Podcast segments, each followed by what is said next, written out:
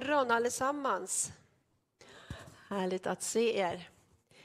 Ja, eh, vi är ju inne i en eh, predikoserie i Family, Livets Ord Family på flera platser eh, och det handlar om att leva av tro som också är, som vi säger, en del av vårt DNA som rörelse, att leva av tro. Och eh, förra söndagen så talade eh, Thomas om eh, grundstark tro. Och idag så är temat Guds rättfärdighet. Guds rättfärdighet. Och det är ju ett fantastiskt stort ämne och svårt att hinna med på en sån här liten gudstjänst bara. Men det här budskapet om Guds rättfärdighet, att vi i Kristus är rättfärdiggjorda, det var ett budskap och det var en undervisning som totalt förvandlade mitt liv när jag kom till bibelskola på 80-talet. Född lutheran och hade hört av allt är av nåd eh, och så vidare, men hade ändå inte fått det här med rättfärdigheten. Att eh, när vi tar emot Jesus och blir frälsta, när vi kommer in i Kristus i det livet så blir vi rättfärdiggjorda. Men det här budskapet gick rakt in i mitt hjärta och jag måste säga det att det var grunden i en, en ny tid i mitt kristna liv. Eh, så är du här idag och inte har förstått det här vi ska, eh, om rättfärdighet eh, så bara har jag en bön till Gud att det verkligen ska få tala till dig och få ge dig en ny frimodighet i din kristna vandring med Herren. Och vi ska titta på det här ordet, för det här ordet rättfärdighet, vad betyder det och så vidare. Så vi kommer att komma dit. Men vi ska börja med att läsa när det här ordet kommer upp i Gamla Testamentet. Eh, och vi ska få fram det bibelordet där det står ifrån Jeremia 23, 5-6 då Herren uppenbarar sig, hans karaktär och vem han är. Då står det så här, och det här är ju då en profetia om vad som skulle komma i framtiden. Se, dagar ska komma, säger Herren, då jag låter en rättfärdig telning växa upp åt David. Han ska regera som kung och handla med vishet. Han ska utöva rätt och rättfärdighet i landet. I hans dagar ska Juda bli frälst och Israel bo i trygghet. Och detta är det namn man ska ge honom, Herren vår rättfärdighet. Så här profeterar Jeremia om att det skulle komma en frälsare, en herre i framtiden. Och han var inte bara själv rättfärdig, utan han skulle bli vår rättfärdighet. Amen. Vår rättfärdighet. Och det här var ju någonting helt nytt, för på gamla testamentet så kunde man inte komma inför Gud, in i det allra heligaste, in i tabernaklet, in i helgedomen, utan det var ju översteprästen som fick gå och folkets vägnar in i det allra heligaste för att försona mänsklighetens synder. Men här så börjar han profetera om att det kommer någon som ska bli vår rättfärdighet. Och vi som har läst vår bibel vet ju att det var Jesus Kristus som Herren sände till jorden för att bli en människa som dig och mig. Varför var Gud tvungen att sända Jesus Kristus till oss? Och det tänker jag är ganska viktigt så att vi, förstår helheten utav rättfärdiggörelsen. Därför om vi backar tillbaka eh, ifrån första Moseboken och läser skapelse, eh, skapelsen, eh, när Gud skapade hela jorden och det är fantastiskt att läsa om skapelseberättelsen. Och hur fantastiskt Gud skapade jorden, hela världen.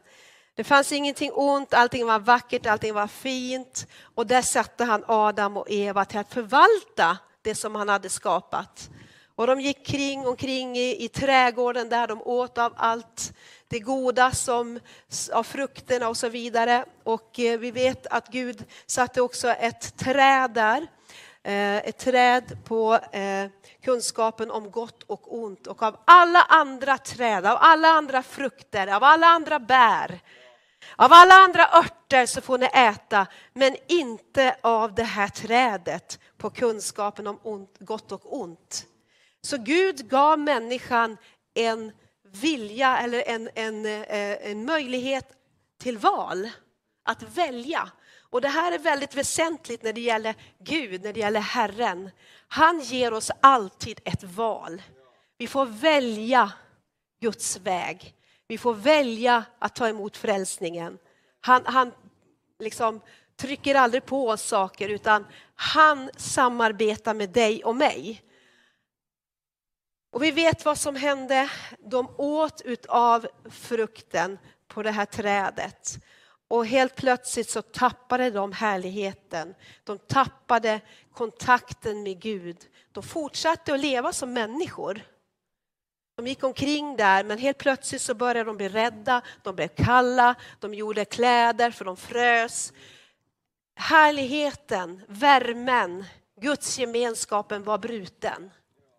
Och det här var ju ingenting som Gud ville, men människan fick välja och de valde den vägen. Så Det här är så viktigt att förstå, det här är ingenting som Gud ville, för Gud älskade människan. Det står att Gud ville ha gemenskap och därför så skapade han någon till, som skulle vara hans like. Alltså någon som han kunde umgås. Han, djuren räckte inte till, naturen räckte inte till för Gud utan Gud ville ha gemenskap med någon som var hans like. Och det är dig och mig, det är människan. Men här bröts gemenskapen och sen utifrån det här så kan vi se vad som hände, vad som kom in i, i skapelsen, vad som kom in i mänskligheten. Mörker, ondska, död, allt det här som vi ser i den här världen idag. Men det är inte Guds vilja att detta skulle ske. Men vi kan också läsa ifrån Jesaja 53 där vi ser hur Jesaja eh, profeterar om denne Messias, denne frälsare som skulle komma. Och det här skrevs alltså ungefär 700 år innan Jesus kom. Då kom den här profetian. Det står, han var föraktad. Alltså det här är ju om Jesus. Han var föraktad och övergiven av människor en smärtornas man och förtrogen med lidande. Han var som en som man skylet ansiktet för, så föraktad att vi inte respekterade honom. Och här ser han in i Jesu lidande. Här ser han in i det Jesus kommer att gå in i av lidande, av respektlöshet, av förakt, av smärta. Det profeterar, han får se in i det här. Och så fortsätter det. Det var våra sjukdomar han bar, våra smärtor tog han på sig medan vi såg honom som hemsökt, slagen av Gud och pinad. Han blev genomborrad för våra brott, slagen för våra synder. Straffet blev lagt på honom för att vi skulle få frid. För att vi skulle få frid. Och genom hans sår är vi helade, är vi botade. Så fantastiskt. Gud är en rättfärdig Gud och människan är i sin natur syndig.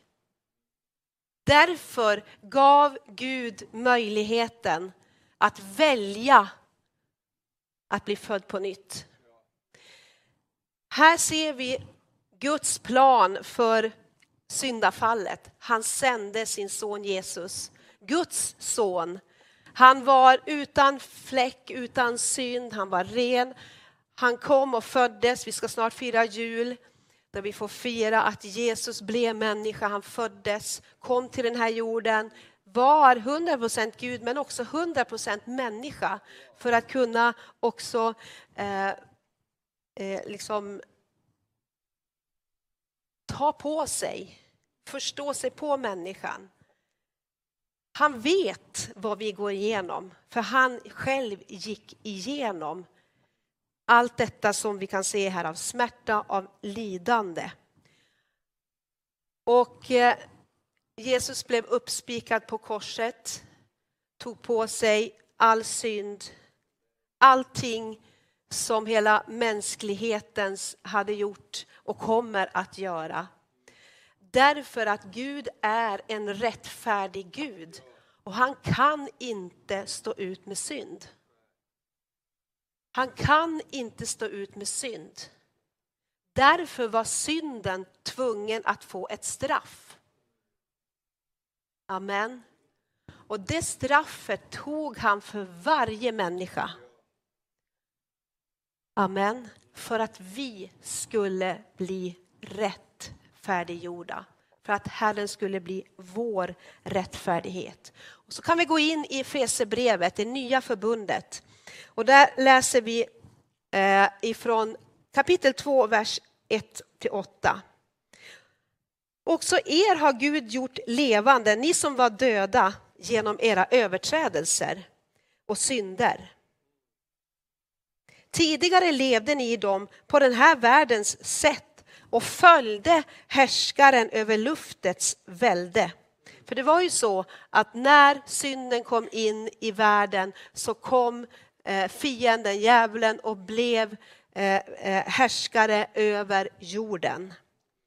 Och den ande som nu är verksam i olydnadens barn. Bland dem var vi alla en gång när vi följde våra kötsliga begär och gjorde vad köttet och tankarna ville. Av naturen var vi vredens barn precis som de andra. Av naturen var vi vredens barn, därför vi dog. Vi dog i och med Adams synd så har varje människa dött. Andligen. Amen.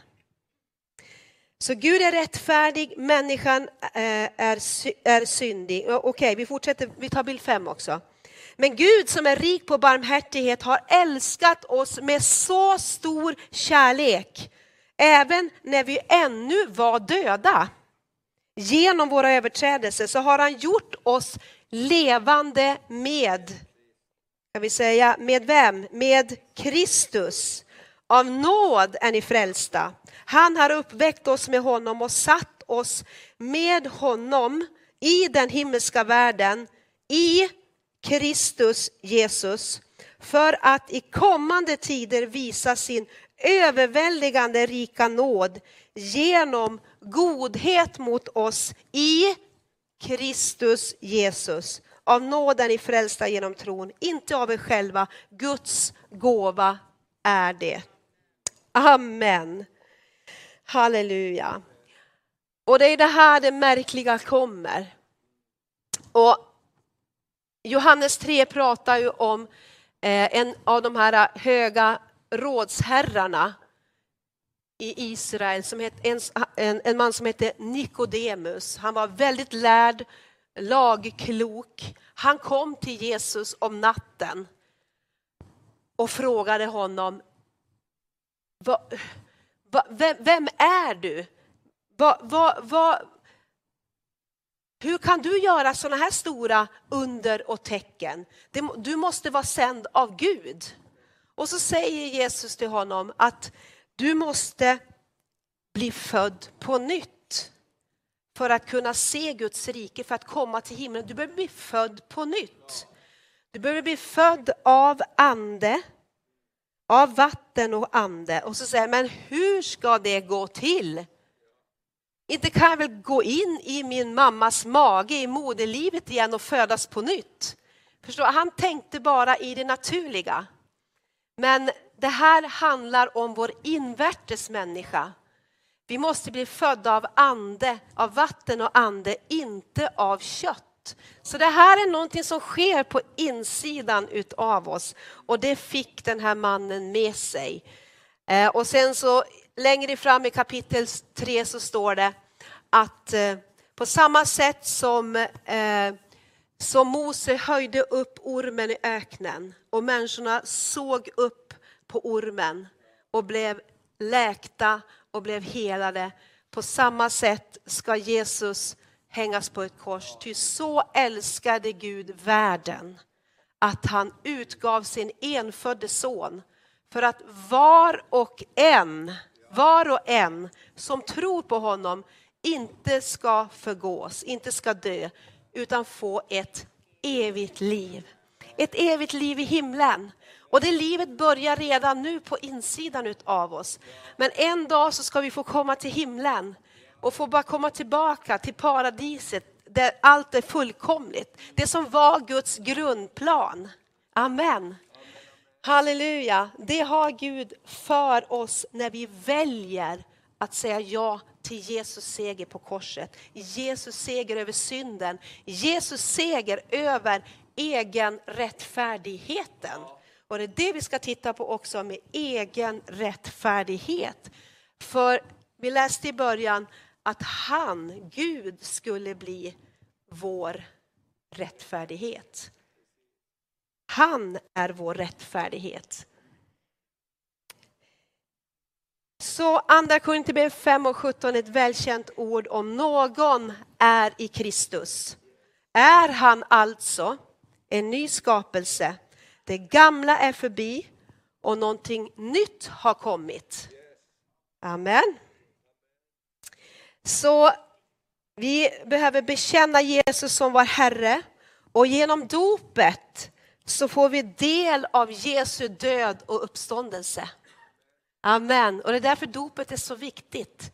Det är en bekännelse att jag lämnar det gamla livet, jag står upp i ett nytt konungsligt välde i liv. Jag begraver det gamla livet. Det blir kvar i, där i, i, i dopgraven, som man säger, dopgraven. Där begraver vi vårt gamla liv. Vi får del av hans seger över döden och vi får därmed evigt liv. Vi är rättfärdiggjorda genom Jesus ställföreträdande död på korset och den som tror och blir döpt ska räddas. I Jesus Kristus, i Jesus når vi vår fullhet. Och vi ska titta på det. Så Guds rättfärdighet nummer ett, Guds rättfärdighet. Nu kommer en hel del bibelord, men skriv ner dem här och läs dem hemma därför att det är så fantastiskt när man läser i Nya Testamentet om Guds rättfärdighet. Eh, eh, och det bygger upp en sån eh, frimodighet på insidan när vi ser rättfärdighetens betydelse. Så vad betyder rättfärdighet? Ja, rättfärdighet det är ju något som är väldigt centralt i den kristna kontexten. Det är väldigt, väldigt avgörande för vår kristna vandring. Därför Gud är helig och ren.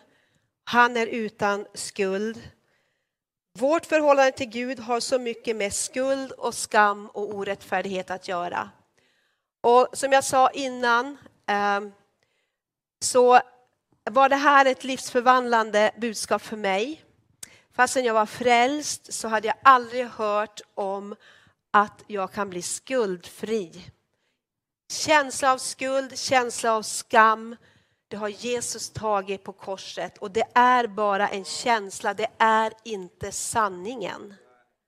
Och det här är någonting som vi människor hela tiden, jag tror var och en av oss kan gång efter, annan, gång efter annan säga att vi går omkring med fördömelse, med otillräcklighet, vi känner att vi når inte fram, vi känner att vi inte duger, vi känner att vi, vi liksom försöker mycket i egen kraft för att behaga människor och så vidare. Det är så mycket eh, liksom, i den här ryggsäcken av egen rättfärdighet och att, att inte förstå Guds rättfärdighet. Eller hur?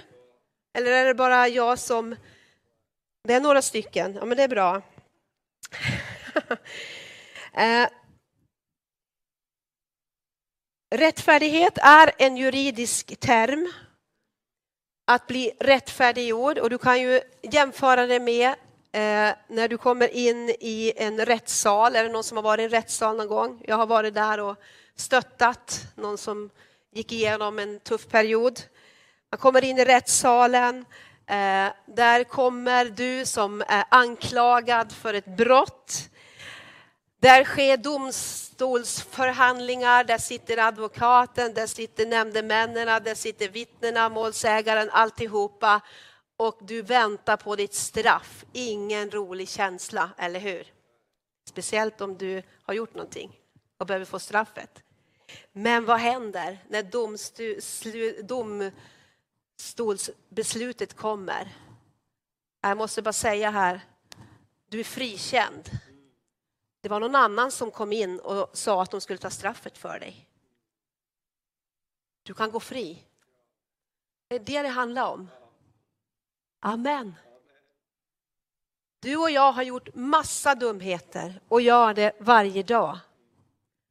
Men vi, kan, vi är rättfärdiggjorda och det betyder att Jesus har tagit straffet för varje felsteg, för varje dumhet som vi har gjort och som vi gör och vad vi kommer att göra. Han har försonat dig med Gud. Och du, kan, du har fått hans rättfärdighet, hans helighet, hans renhet, hans fullkomlighet. Amen. Du har fått det när du har tagit emot Jesus. För att ditt liv är i Jesus Kristus och vi kommer att komma in i det. Och det betyder att vi har blivit benådade, nåd. Vi läste om det, eller hur? Guds gåva är det, inte av gärningar. Vi kan inte göra en massa goda, fina, underbara saker för att bli godkända av Gud. Vi är redan godkända.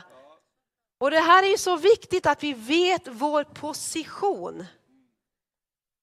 Position och vandring är olika, men nu talar vi om den position vi har i Kristus Jesus. Och det här är så väsentligt och så viktigt eh, att vi vet vår ställning, vår, vår, vår, vår, position i Kristus. För det påverkar sedan vår vandring i att stå emot synden. Amen. Så att bli benådad det betyder nåd. Det är också ett ord, nåd. Nåd det betyder att bli benådad. Du förtjänar inte, men du får nåd. Gå fri. Tack och adjö, nu kan du gå, du är fri. Romarbrevet 3 och 21 ska vi läsa, och 22. Men nu har det uppenbarats en rättfärdighet från Gud utan lag. Utan lag en som lagen och profeterna vittnade om, precis som vi läste innan. En rättfärdighet från Gud genom vad? Tro på Kristus Jesus för alla som tror. Här finns ingen skillnad. Så den här rättfärdigheten är för alla som tror. Det har ingenting med att följa laggärningar. Sen är ju det jättebra att, att följa lagar, men det är inte den rättfärdigheten Nya Testamentet talar om. Det är en rättfärdighet av tro. Av tro. Eh. Och Det är det här som vi också brukar kalla för det saliga utbytet. Vi blir förlåtna, frikända och renade. Vi är oskyldiga. Vi har inte överträtt lagen. Och vi är befriad från synden. Andra Korinthierbrevet 5 och 21 säger, skriv ner det också, han som inte visste av synd, alltså Jesus, han visste inte av synd. Honom gjorde Gud till synd i vårt ställe för att vi i honom skulle bli rättfärdiga inför Gud. Halleluja! Är du vaken? Kolosserbrevet 2, 13-14. Ni var döda genom era överträdelser. Nej, men vad har jag gjort för någonting? Mm. Vi ska titta på det också, eh, vad synd är för någonting. Ni var döda genom era överträdelser och er oomskurna natur, men också er har han gjort levande med Kristus. Han har förlåtit oss alla våra överträdelser och utplånat, kan du säga utplånat? Skuldebrevet som vittnade mot oss med sina krav. Kan du känna de där kraven? Du borde, du skulle ha gjort så, du skulle ha gjort si. Du kommer inte att nå dit upp dit du borde gå, dit det borde vara. Det är en massa skuld, ett skuldebrev. Skuld. Det står att Jesus har utplånat skuldebrevet som vittnade emot oss med sina krav. Det tog han bort genom att spika fast det på korset. Kan du säga halleluja? Amen. Han spikade fast det där brevet på korset. Halleluja. Där sitter skulden på korset. Halleluja, så underbart. Romarbrevet 5 och 1. När ni nu har förklarats rättfärdiga av tro så har vi vad då? Frid med Gud. Åh, frid med Gud genom vem? Genom vår Herre Jesus Kristus. Det är på grund av vad Jesus gjorde har vi frid med Gud. Han är vår försoning. Han är den som har gjort det här möjligt. Det är därför som Jesus seger på korset betyder allt för oss. Det betyder förlåtelse, det betyder försoning, det betyder frid. Amen. Okej, okay. vi ska gå vidare. Nummer två, syndens makt är bruten. Och då ska vi läsa i Romarbrevet 8 och 2 så står det livets andes lag har i Kristus Jesus gjort mig fri från syndens och dödens lag. Amen. Livets andes lag har i Kristus Jesus gjort mig fri från syndens och dödens lag. Detta är en lag. Detta är ett fantastiskt bibelord. Livets andes, det finns en livets andes lag. Precis som eh, du tänker att tyngdlagen, att när du, när du liksom tappar ner någonting på, när det far ner på golvet så här, det, det, liksom, det faller ner en tyngdlag, gravitetslagen. Det faller ner på golvet, det bara är så, det är en lag som fungerar, eller hur? Vid alla tillfällen. Och på samma sätt så har du, finns det en lag, en livets andes lag, som i Kristus har gjort mig fri ifrån en annan lag syndens och dödens lag. Han har gjort oss fria ifrån den lagen. Vi har fått livets lag, andens lag. Amen. Syndens makt är bruten. Eh, det står också i Romarbrevet 6 och 22. Men nu är ni befriade från synden och slavar hos Gud. Amen. Vilket härligt ord att vara slav hos Gud. Vi har gett våra liv till Herren eller hur? Och lever för honom. Men ni är befriade från synden eh, och slavar hos Gud, så får, eh, och då får ni helgelse som frukt och till slut evigt liv. Vi var slavar under synden, men nu är vi befriade från den och lever som slavar för Gud i kärlek. Amen. Halleluja.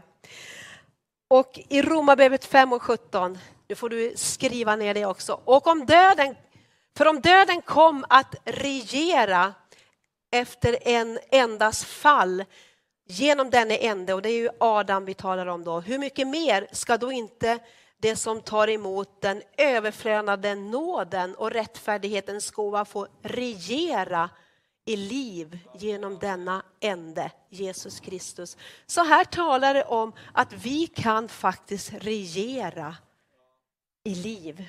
Vi kan regera i rättfärdighet. Vi kan regera i andens, och i andens eh, eh, liv, i, and, eh, i, i andens lag. Amen. Amen. Regera, vilket ord! Att vi kan regera över synden.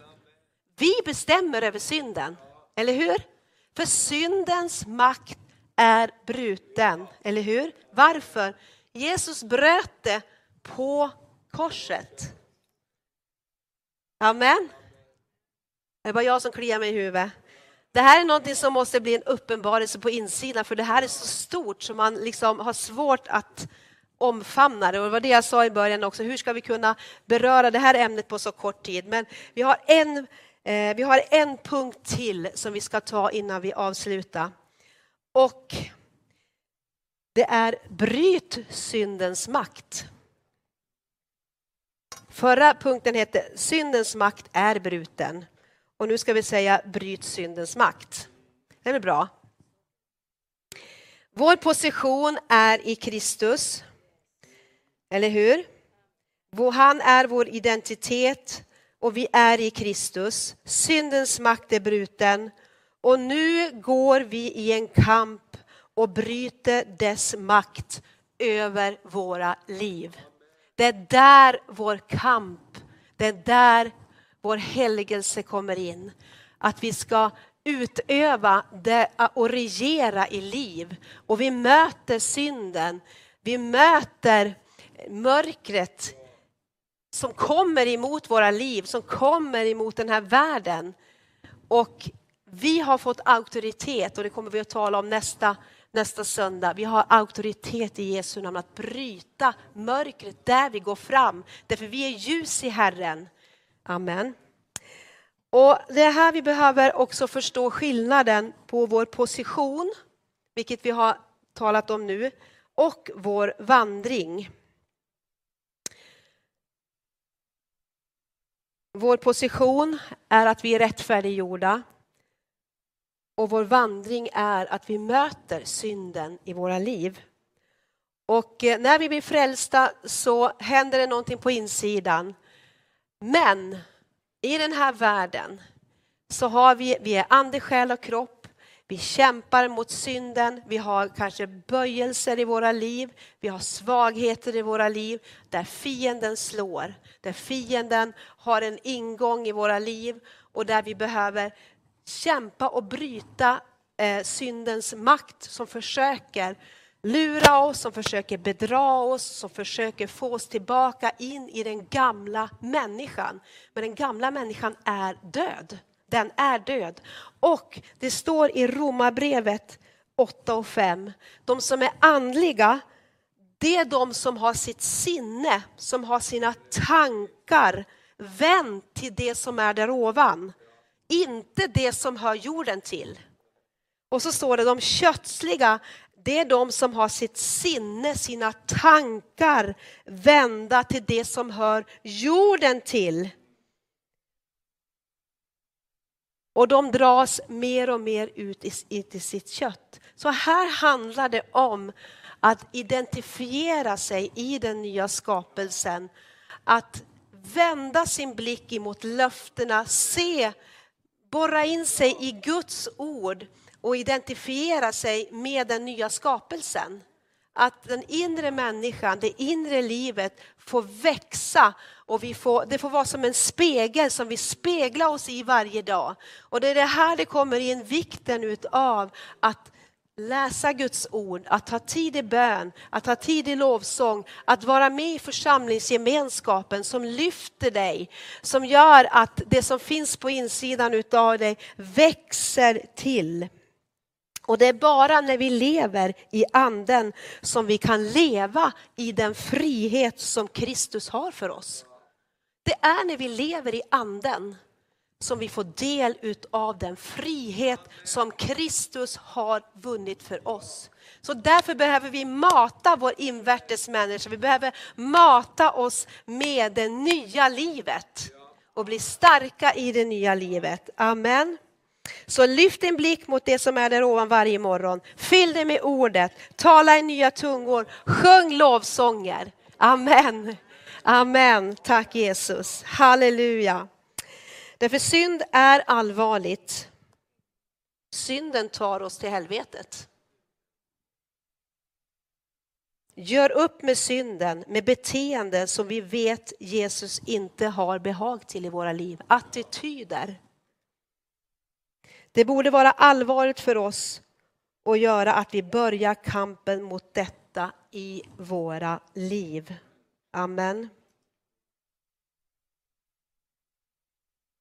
Syndens makt är andligen brutet i mitt liv. Men det kan finnas böjelse i min själ, sidor av mig som är svagt. Och det här behöver vi kämpa emot. Och när vi talar om gärningar, det är egentligen bara konsekvenser utav synden. Synden är att vi är skilda från Gud. Och när vi gör gärningar som inte är honom välbehagliga så är det en konsekvens utav synden. Ja, men synd det är att inte uh, ta emot Jesus som sin frälsare. Det är att vi går vår egen väg. Amen. Amen.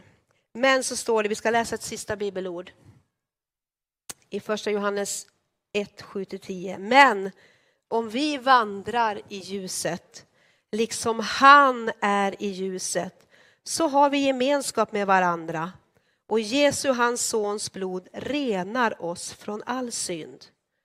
Om vi säger att vi inte har synd bedrar vi oss själva och sanningen finns inte i oss. Men om vi bekänner våra synder så är han trofast och rättfärdig så att han förlåter oss våra synder och renar oss från all orättfärdighet. Om vi säger att vi inte har syndat gör vi honom till en lögnare och hans ord finns inte i oss. Amen. Jag tror det är Hebreerbrevet som säger också att än, eh, än har ni inte gjort motstånd ända till blods er kamp mot synden. Så här har vi en kamp emot synden som vill dra oss bort ifrån friheten som Jesus har vunnit för oss. Och det är den här kampen som vi behöver vara varse om och som vi behöver liksom ta en fight emot. Bekänna saker som synd, eh, göra upp saker, göra upp attityder, göra, se över våra hjärtan. För så fort vi bär på någonting så finns det en hållhake som hela tiden vill dra oss bort ifrån den här friheten som Kristus har vunnit för oss. Amen. Så det här är någonting som, som vi får, liksom, det här är vårt arbete här på jorden, att, att hela tiden vaka över våra hjärtan, vaka över våra liv så att vi kan vandra till fullo i den rättfärdighet som Kristus har vunnit för oss. Så sammanfattningsvis, vi har, eh, Gud är vår rättfärdighet. Du kan ta upp den sista bilden där. Guds rättfärdighet. Guds rättfärdighet. Vi har fått Guds rättfärdighet. Amen. Ingen egen rättfärdighet. Guds rättfärdighet har vi fått. Vi ska komma ihåg att syndens makt är bruten. Varje synd, varje, varje beroende, allt som bara vill komma destruktivt i våra liv, kom ihåg att makten utav det är brutet. Och det står att fienden han går omkring som ett, som en, en, ett lejon och lurar. Syndens makt att bedra oss. Det är därför vi behöver vara rotade i Guds ord så att vi vet vad som är sanningen och vi kan stå upp för sanningen, tala ut sanningen över våra liv. Amen. Amen. Så syndens makt är bruten och, och bryt syndens makt över ditt liv. Av böjelser, av sådant som du kanske har blivit frälst men du har varit inne i beroende, du har varit inne i mörker av massa saker och där har vi makten att bryta det. För vi har Guds rättfärdighetsvapen i våra liv. Ska vi stå upp tillsammans? Tack Jesus. Amen. Det här var en lång predikan men Eh, det är bara så viktigt att vi förstår liksom helheten utav att Gud älskar människan. Gud älskar dig. Han vill ha gemenskap med dig. Och vi måste förstå att vi behöver inte komma inför Gud med skam, med skuld, med mindervärde. Eller andra sidan med egen rättfärdighet och liksom att vi är präktiga. Och jag har nog min sann gjort det. Det är det andra diket, eller hur? Vi behöver leva liksom i centrum med Jesus. Han är vår rättfärdighet, han är min försoning. Det är genom honom jag ska leva, det är genom honom friheten finns. Och det är i dig Jesus Kristus som jag vill leva, som jag vill röra mig, som jag vill vara till. I dig Jesus Kristus. Där finns friheten, i Jesus och ingen annanstans. Amen. Amen. Och det här är inte svårt. Det är inte svårt. Därför vi har fått Gud, vi har fått Gud själv given till oss. Hur menar du Maria? Jo, genom hans ord. Gud är ordet. Gud vill tala till dig och mig varje dag. Men vi behöver välja att öppna vår bibel. Vi behöver välja att börja lovsjunga. Vi behöver välja det goda. Amen. Välja att tro på att det håller i vardagslivet. Eller hur? Det är ju vardagslivet med Herren som kan bli någonting fantastiskt när vi lever i hans frihet utan fördömelse. Amen. Halleluja. Så Herre, vi tackar dig. Ska vi bara prisa Herren en stund? Herre, vi tackar dig. Vi tackar dig Herre. Vi tackar dig Herre. Vi bara ber Herre om en uppenbarelsens ande. Herre, herre, jag har stått och talat idag den här dagen och jag bara ber Fader att de här orden Herre, ditt levande ord Herre som vi har läst, låt det få gå på insidan ut av oss. Att vi fattar höjden, längden, djupet, bredden och kan lära känna din kärlek Herre som övergår allt förstånd. Herre, vi tackar dig att du skapade oss för att ha gemenskap med dig Gud. Åh, halleluja, du njuter av vår närvaro. Du njuter, Herre, när vi vänder våra hjärtan till dig. Och vi tackar dig, Herre, att det finns ingenting som skiljer oss ifrån din kärlek i Kristus Jesus. Därför våra liv är fördolda i Jesus. Våra liv är fördolda i Jesus Kristus. Så när du ser på oss Herre så ser du oss genom Jesus Kristus, genom hans seger, genom hans försoning. Åh Herre, vi tackar dig, vi tackar dig. Så jag bara ber Fader att den här morgonen, att du bara ska skölja över oss Herre, med uppenbarelse Herre. Jag bara ber Fader att när vi nästa gång tar upp vår bibel Herre, så får vi se genom dina glasögon Herre av rättfärdighet Herre, att vi är rättfärdiggjorda. Åh halleluja, jag bara ber om det Fader. Vad ber Herre att du bara sköljer bort all form av skam och skuld, all mindervärde Herre. Åh, jag bara tackar dig Herre. Åh Herre, Herre, så att vi kan vandra frimodigt. Frimodigt är det som du har för oss var och en Herre. Att vi vet, att vi vet att vi är älskade. Vi vet att vi har en rätt ställning. Vi vet, vi vet att vi är älskade av dig Gud. Åh Herre, så bara ber om detta Fader i ditt namn Jesus. Åh Rabashaka Rabasantoroloboria. Bara tacka dig Herre, bara tacka dig. Halleluja, vi prisar dig Jesus. Åh Rebekenda, ska vi göra så här att vi bara tar en stund här. Så bara gör vi små grupper här och så ber vi ut det här i Jesu namn över varandra. Om du är okej okay med det fyra, fem stycken och så tar vi bara, vi tar två minuter här och bara ber om Guds rättfärdighet. Ett medvetande om Guds rättfärdighet av Jesus seger. Bara ta några minuter och be för varandra. Att det här bara ska få sjunka in i våra hjärtan.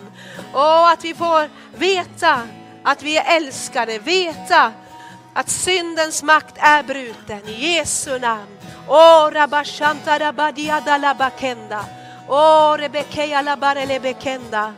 Oh, rabara liberianda. Oh, hela min värld. Jag lägger ner mitt liv för dig. Min klippa, mitt allt. Dig älskar jag. Ingen kan ta den plats du har.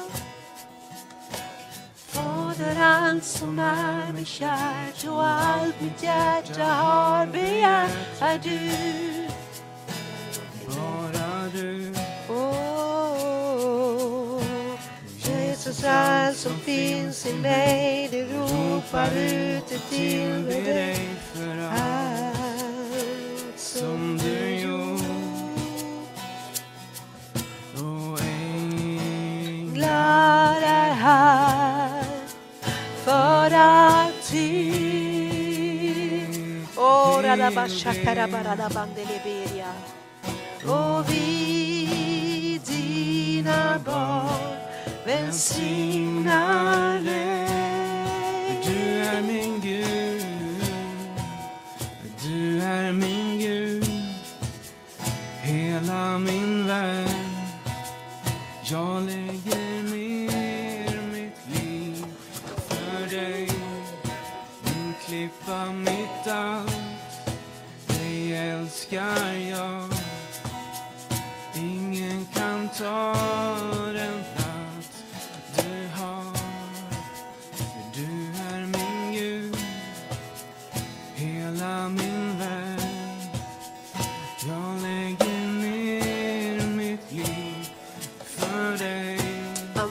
Tack Jesus.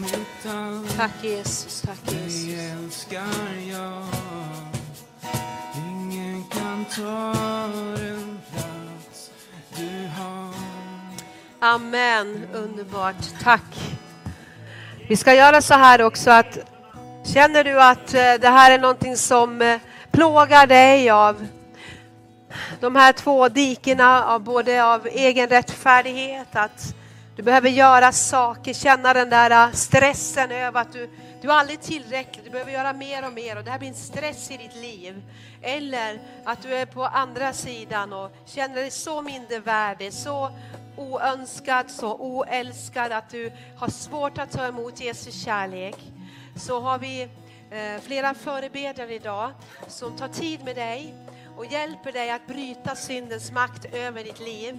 Vi skulle kunna ta tid och verkligen be för det här, men vi ska inte göra det utan var bara gå, strömma in i bönerummet. Ni som är förebedjare kan börja gå in där också. Där finns det eh, systrar och bröder som har förberett sig för att be för dig idag. Så bara känn frimodigheten, för det här är en kamp i våra liv. Och ibland så behöver man ha någon som står med en och krigar för en. Man får bekänna synd, bekänna eh, sånt som, som, eh, som tar över i livet, som inte är välbehag. Bekänna det, bli kvitt det. Amen. Och sen vill vi också uppmuntra till att är du inte döpt så ska du få döpas. Och, och, och synden ska få gra, begravas där nere i dopgraven. Det är sån styrka i det. Så Gud välsigne er och så lämnar vi över till Hasse. Amen.